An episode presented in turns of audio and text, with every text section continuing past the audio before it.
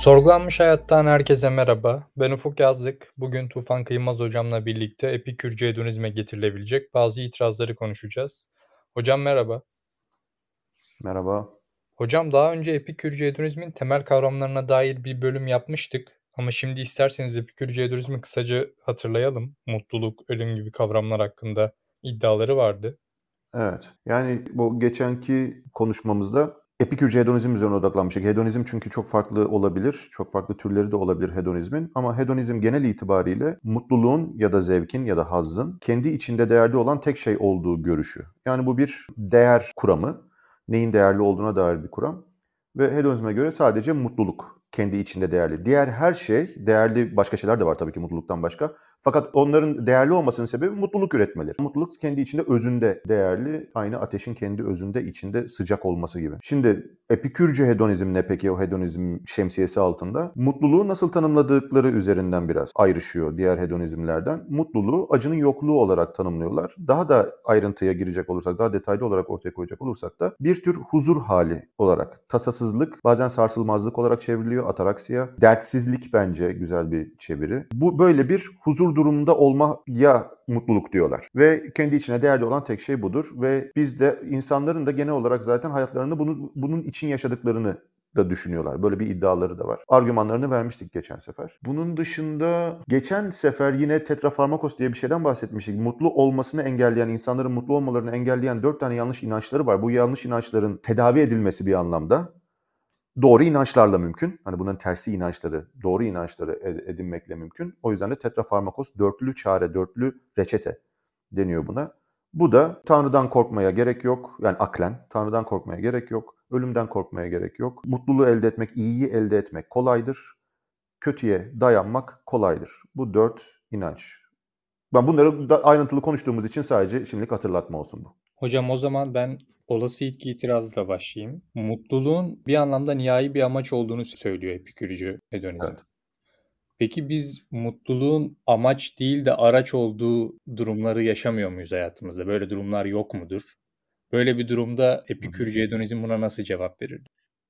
Evet, yani, eee, şimdi onlara göre ben ne yaparsam yine bunu konuştuk hatırlayalım. Bir amacım olsun, bir şey yapmaya çalışayım, kendime sorayım ben bunu neden istiyorum? İşte derste iyi not almak ya da işte bir mesela benim bir makale yayınlamam bir yerde, iyi bir yerde makale yayınlamam falan. Ben niye istiyorum bunu? İşte orada yayınlanacak, ondan sonra bilmem ne olacak, ondan sonra işte maaşıma zam gelir belki, işte yok şey olur, doçent olurum, profesör olurum, atıyorum işte neyse. O neden, onu neden istiyorsun, onu neden istiyorsun falan. Bunu sormaya devam edersen diyor en sonunda diyeceksin ki ben mutlu olmak istiyorum o yüzden yani o, o, o işe yarayacak yani benim mutluluğuma katkıda bulunacak o yüzden istiyorum. Peki neden mutlu olmak istiyorum diye sorarsam diğerlerine verdiğim cevap gibi şu yüzden diyemeyeceğim. Mutlu olmayı istiyorum. Çünkü mutlu olmak iyi yani mutlu olmak kendi içinde iyi bir şey. O yüzden mutluluğu biz araç olarak kullanmayı sadece amaçtır. Diğer her şey mutluluğa araçtır. Şimdi düşünelim. Hiç mi ama biz mutluluğu araç olarak amaç değil de araç olarak kullanamayız? Bu mümkün değil mi? Şöyle bir insan düşünelim mesela. Ya bazen gerçekten ben bunu şey yapıyorum. Daha önce de bunu konuştuğumuzu hatırlıyorum başka bir bölümümüzde ama YouTube'da falan böyle ya da Twitter'da tamam mı? Böyle bir şeylere saldıran, küfürlü müfürlü falan böyle saldıran sinirli tipler. Biz bu tiplere bakınca şey diyor muyuz ya ne kadar mutlu insan maşallah diye demiyoruz. Mutsuz o adam yani. Şimdi buradan yola çıkarak öyle bir insanın şöyle düşündüğünü düşünelim. Şöyle düşünecek. Ya ben mutsuz olduğumda aksileşiyorum ben mutsuz olduğumda insanlara böyle kırıcı konuşuyorum ve bunu istemiyorum. İnsanlara kırıcı konuşmak, insanlara kötü davranmak, böyle dünyaya olumsuzluk katmak iyi bir şey değil. Bunu istemiyorum. O yüzden ben kendimi mutlu edeyim. Mutlu edeyim ki böyle kötü sonuçlar doğurmasın benim davranışlarım. Anlatabiliyor muyum? Kendimi daha iyi kontrol edebiliyorum. Çünkü irade eksikliği var herhalde. Kendini tutamıyor böyle öfkelenince. Ben öfkesiz, huzurlu biri olayım ki insanlara da zararım dokunmasın. Şimdi böyle düşünen bir insan mutluluğu araçsallaştırıyor gibi duruyor amacı dünyaya iyilik yapmak veya kötülük yapmayı bırakmak. Bu amaç için de mutlu olmayı araç olarak kullanıyor. Değil mi? Hani böyle böyle örnekler bulabiliriz. Başka türlü örnekler de bulabiliriz. Şimdi bu bir karşı örnek gibi duruyor epikürcülüğün iddiasına karşı ama epikürcüler ne diyor böyle şeylere? Ne derdi mesela epikürcü? Aslında basit bir şey söylerdiler. Şimdi ne dedi bu insan? Ben mutluluğu şunun için istiyorum dedi. Şunun için dediği mesela insanları kırmamak. O zaman tabii ki epikürcü çok doğal bir şekilde şunu soracak. Peki neden insanları kırmamak istiyorsun? Bu sefer de diyecek işte çünkü onlar o zaman üzülüyorlar. Onlar üzülünce ben de üzülüyorum. Aa tamam o zaman bir dakika sen o zaman gene üzülmemeye çalış. Sen gene kendi mutluluğun için yapıyorsun. Yani yine mutluluğu beslemek için mutluluk istiyorsa, yani mutlu olmayı insanları incitmemek için istiyorsa ama insanı incitmemeyi de kendi mutluluğun için istediğine göre sonuç itibariyle yine mutluluğu daha çok mutluluğa katkıda bulunsun diye e, istiyorsun. Sonuç itibariyle yine mutluluk araçsallaştırılmış olmadı. Yani amaçtan bağımsız bir araca dönmedi. Hala amaç ama aynı zamanda kendini de besleyen de bir yönü var. Hani mutluluk daha fazla mutluluk getiriyor gibi bu durumda. Bu epikürcülük için bir sorun yaratmazdı. Hedonizm için bir sorun yaratmazdı. Sonuç itibariyle yine amacın mutluluk. Yani şöyle mutluluk hiçbir zaman onlara göre sadece bir araca indirgenemez. Her zaman amaçtır da. Hedonizmi böyle düşünürsek burada da bir sorun çıkmaz onlara, onların gözünde. Bu cevap bana biraz psikolojik egoizmi hatırlattı. Onların her Evet. durumda bazen Evet.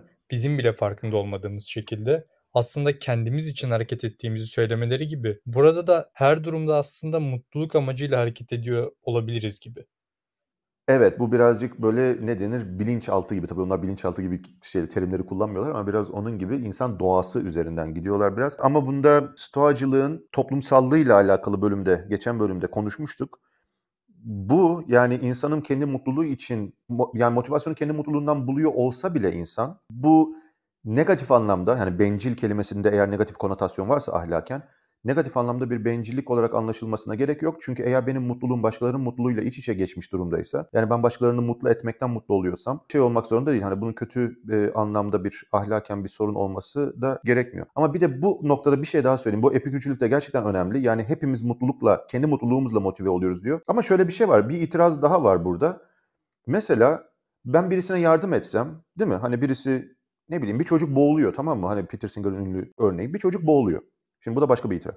Bir çocuk boğuluyor. Ben bunu görüyorum. Yardım ediyorum. Çocuğu kurtarıyorum boğulmaktan. Şimdi benim orada istediğim çocuğun hayatta kalması diyorum. Ama epikürcü der ki ama sonuç itibariyle sen ona işte yardım etmeseydin daha mutlu mutsuz hissedecektin. Yani sen kendin için istiyorsun aslında. Kendi mutluluğun için istiyorsun. Bu, bu bencillik gibi bazen söylüyor insanlar dediğin gibi psikolojik egoizm. Şunu düşün. Çocuk boğuluyor. Ben tam kurtaracağım. Hop oradan bir tane olimpik yüzmeci atlıyor havuza. Çıp çıp çıp çıp alıyor, çekiyor çocuğu, çıkarıyor, kurtarıyor. Ben şey ulan tam ben kurtaracaktım. Kaçırdık fırsatı mı derim yoksa sevinir miyim çocuğun kurtulduğuna?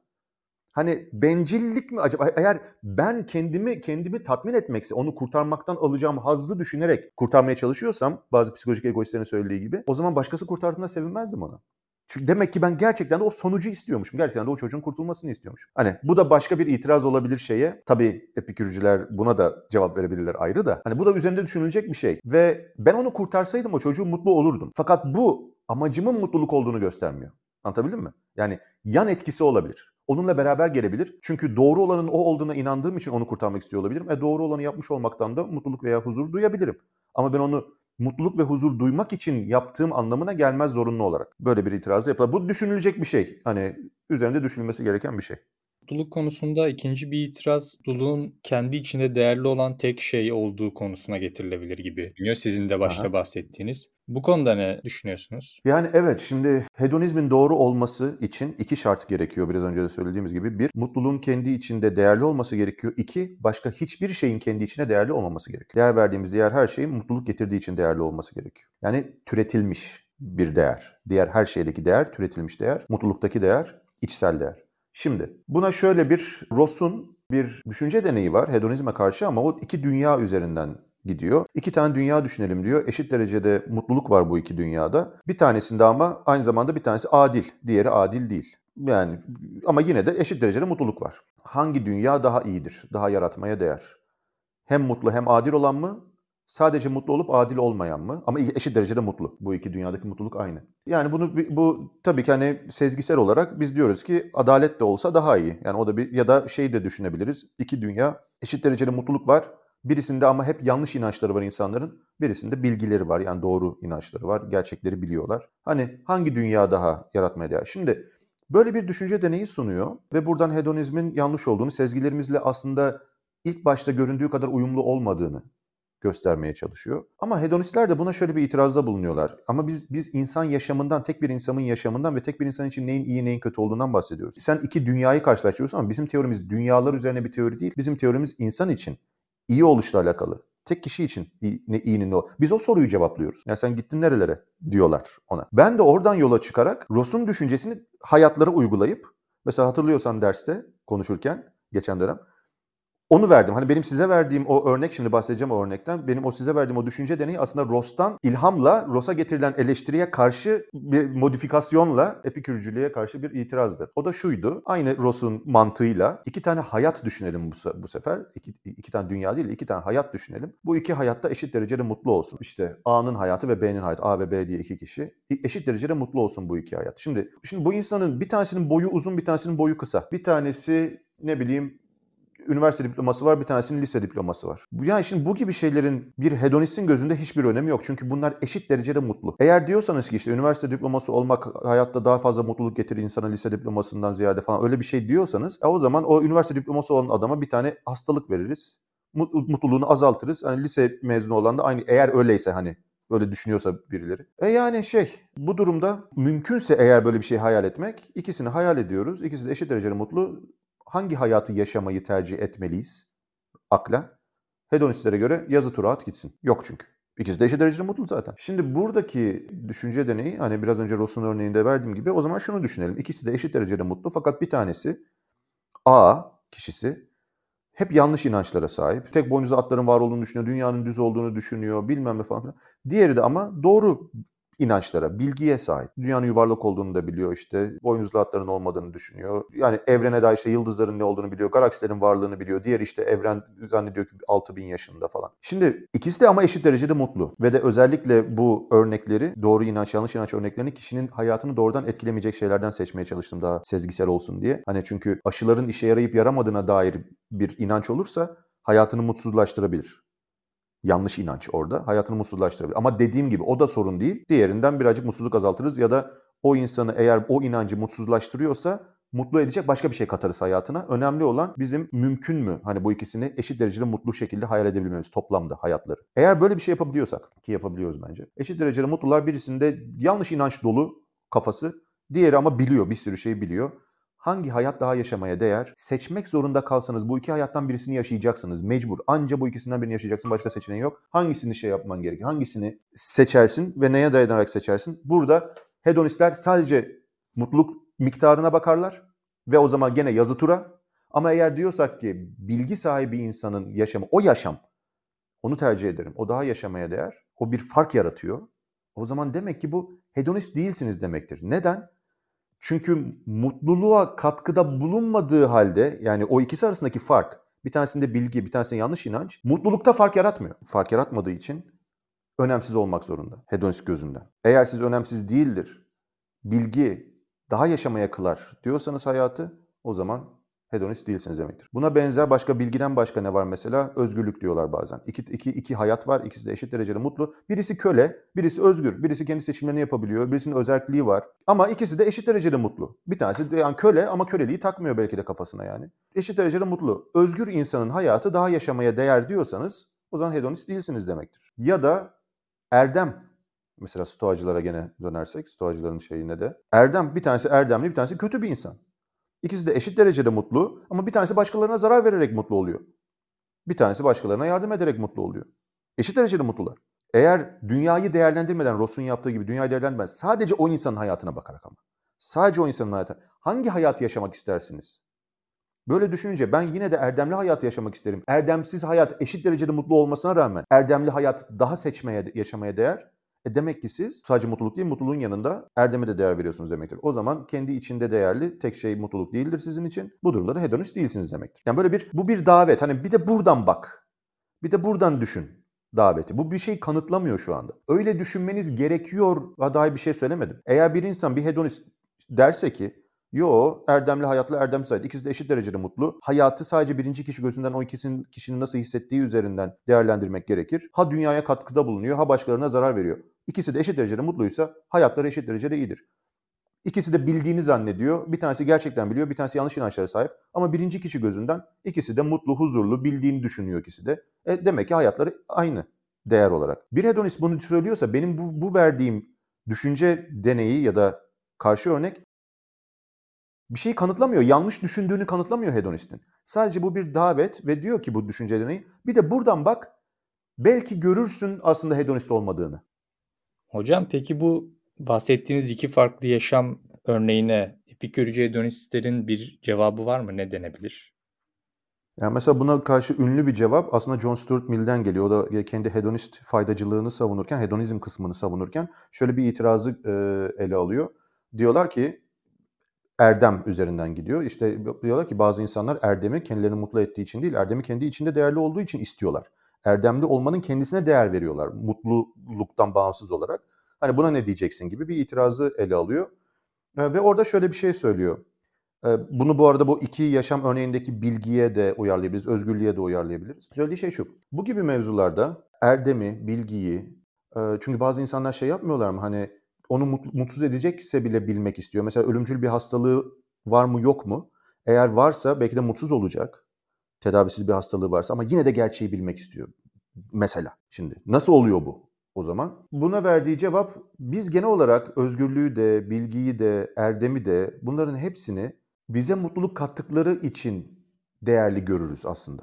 Yani bunlar normal şartlar altında bize mutluluk katan şeylerdir. Erdemsiz insanın topluluk içerisinde mutlu olması çok zordur. Bilgisiz insanın, bilgiye önem vermeyen insanın mutlu olması çok zordur. Yani hani yanlış inançları takip edersen illaki şey yaparsın. Yani kendisi, kendine zarar verecek bir şeyi aslında yararlı zannedersin falan. Kendine zarar verebilirsin, sağlığına zarar verebilirsin. Özgürlük aynı şekilde başkasına itaat edersen, sorgulamadan itaat edersen hani onun kölesi olursan bir şey yaparsın. Yani normal şartlar altında özgürlük de, bilgi de, erdem de mutluluk katan şeylerdir insana ve zaman içerisinde bunlar o kadar yakın ilişki içerisinde olurlar ki mutlulukla artık kişinin gözünden bunlar birbirinden ayrıştırılamaz hale gelirler. Yani artık erdemli hayatla mutlu hayat, bilgili hayatla mutlu hayat, özgür hayatla mutlu hayat birbirinden ayrıştırılamaz hale gelir.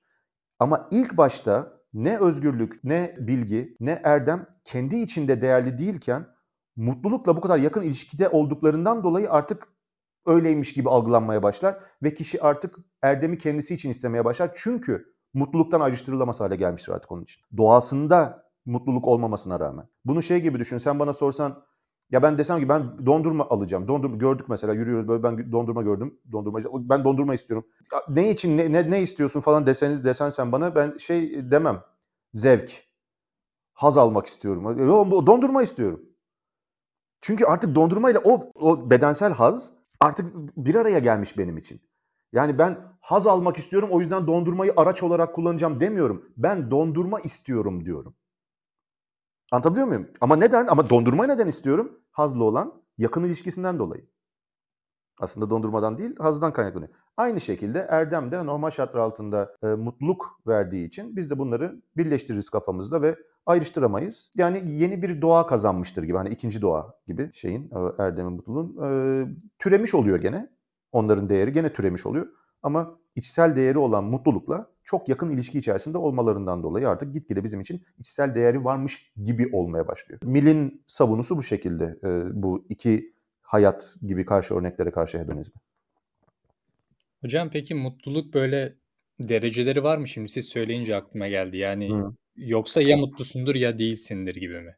Aa, yok onun hep e, şimdi şöyle aslında biz ilk epikürcülük bölümünde konuşurken katastematik ve kinetik diye hazları ayırmıştık. Mesela hazların da daha yoğunu, daha az yoğunu falan olur bedensel hazların değil mi? Öyle bir şeyden bahsedebiliriz. Ama katastematik hazlar yani ataraksiya dedikleri durumsal haz yani huzur dediğimiz biraz önce huzur böyle dinginlik falan zihinsel dinginlik gibi var. Ölçüsü onlara göre dereceleri var. Yani daha huzurlu ve daha az huzurlu olabilirsin ama bedensel hazların e, aksine kendi içinde bir son noktası da var.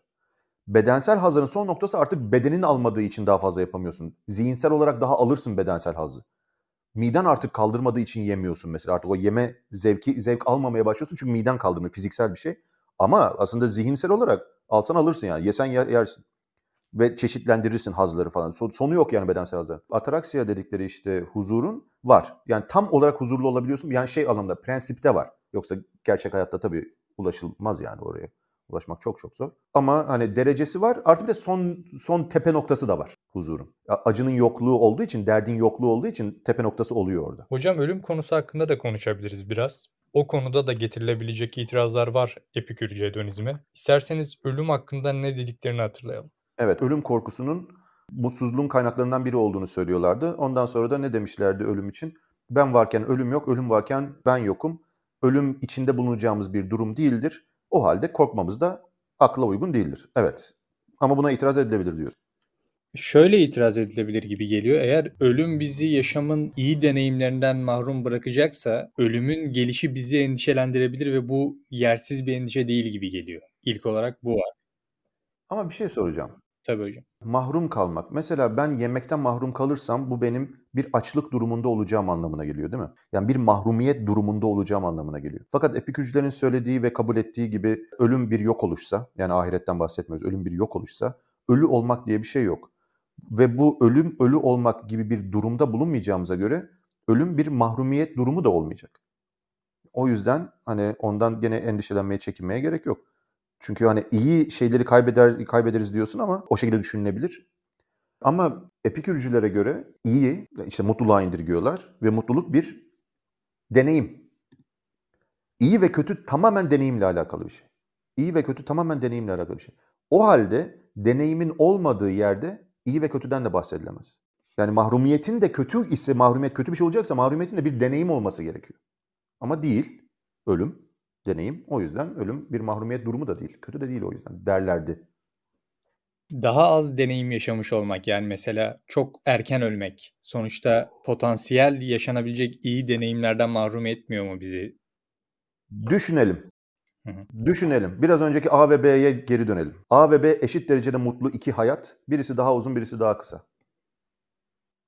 Orada eşit derecede mutlu kavramı bence biraz sıkıntılı gibi. Evet, şimdi Şimdi bu, bu, bu bence önemli bir nokta. Bu Bunu biz hedonist faydacılıkta da görüyoruz bu gibi tartışmaları. Şimdi gireceğimiz tartışmayı yani hedonist e, faydacılıkta yani Bentham'ın, John Stuart Mill'in faydacılık anlayışlarında da görebiliyoruz bunları. Günümüzde de bayağı var aslında bu tartışma. Şöyle bir tartışma bu. Toplam mutluluğa mı bakmalıyız, ortalama mutluluğa mı bakmalıyız? Yani iki hayatı karşılaştıralım şimdi. İki hayat, toplam mutluluğa mı bakacağız iki hayatta? Yoksa ortalamada ne kadar mutlu olduklarına bakacağız. Eğer ortalamada mutluluğa bakıyorsak daha uzun yaşam daha çok mutluluk içerecek bir durumda. Şimdi bir kısa yaşam ama çok mutlu.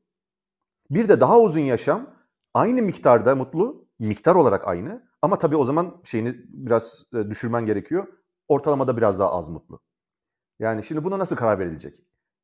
Miktar aynı, ona mı bakacağız yoksa her anki deneyime mi? Hedonizmin ben şöyle düşünüyorum. Onların en makul olan cevabı bence burada ortalamaya bakmak. Yani e, anlık deneyime bakmak. Çünkü deneyimin toplamı çok önemli değil. Deneyimin kendisi önemli orada. Her anki mutluluk. O yüzden kısa ve mutlu hayat uzun ve mutsuz hayattan toplam mutluluk aynı olsa bile daha önemli. Benim şu şu anda kahve içiyorum tabii görmüyor insanlar ama şu kahvede bir sıcaklık var. Bir de denizdeki şey var hani sıcaklık değil mi? Bunun bu daha sıcak denizden ama ısı enerjisi olarak bakarsan hani Denizdeki ısı enerjisi bunun kaç kaç kaç kaç katı. Ama eğer benim için önemli olan bunun sıcaklığıysa hani içerken ki e o zaman ben onun şeyine bakarım. Yani ne miktarına bakmam yani genel miktarına bakmam. Sıcaklığının kendisine bakarım. Yani aynı o şekilde uzunluk değil. Bunu stoacılar da çok söyler zaten. Önemli olan uzunluk değil. İyi yaşam uzun yaşam olmak zorunda değil. Önemli olan iyi yaşam. Ve iyi yaşam mutlu yaşamdır.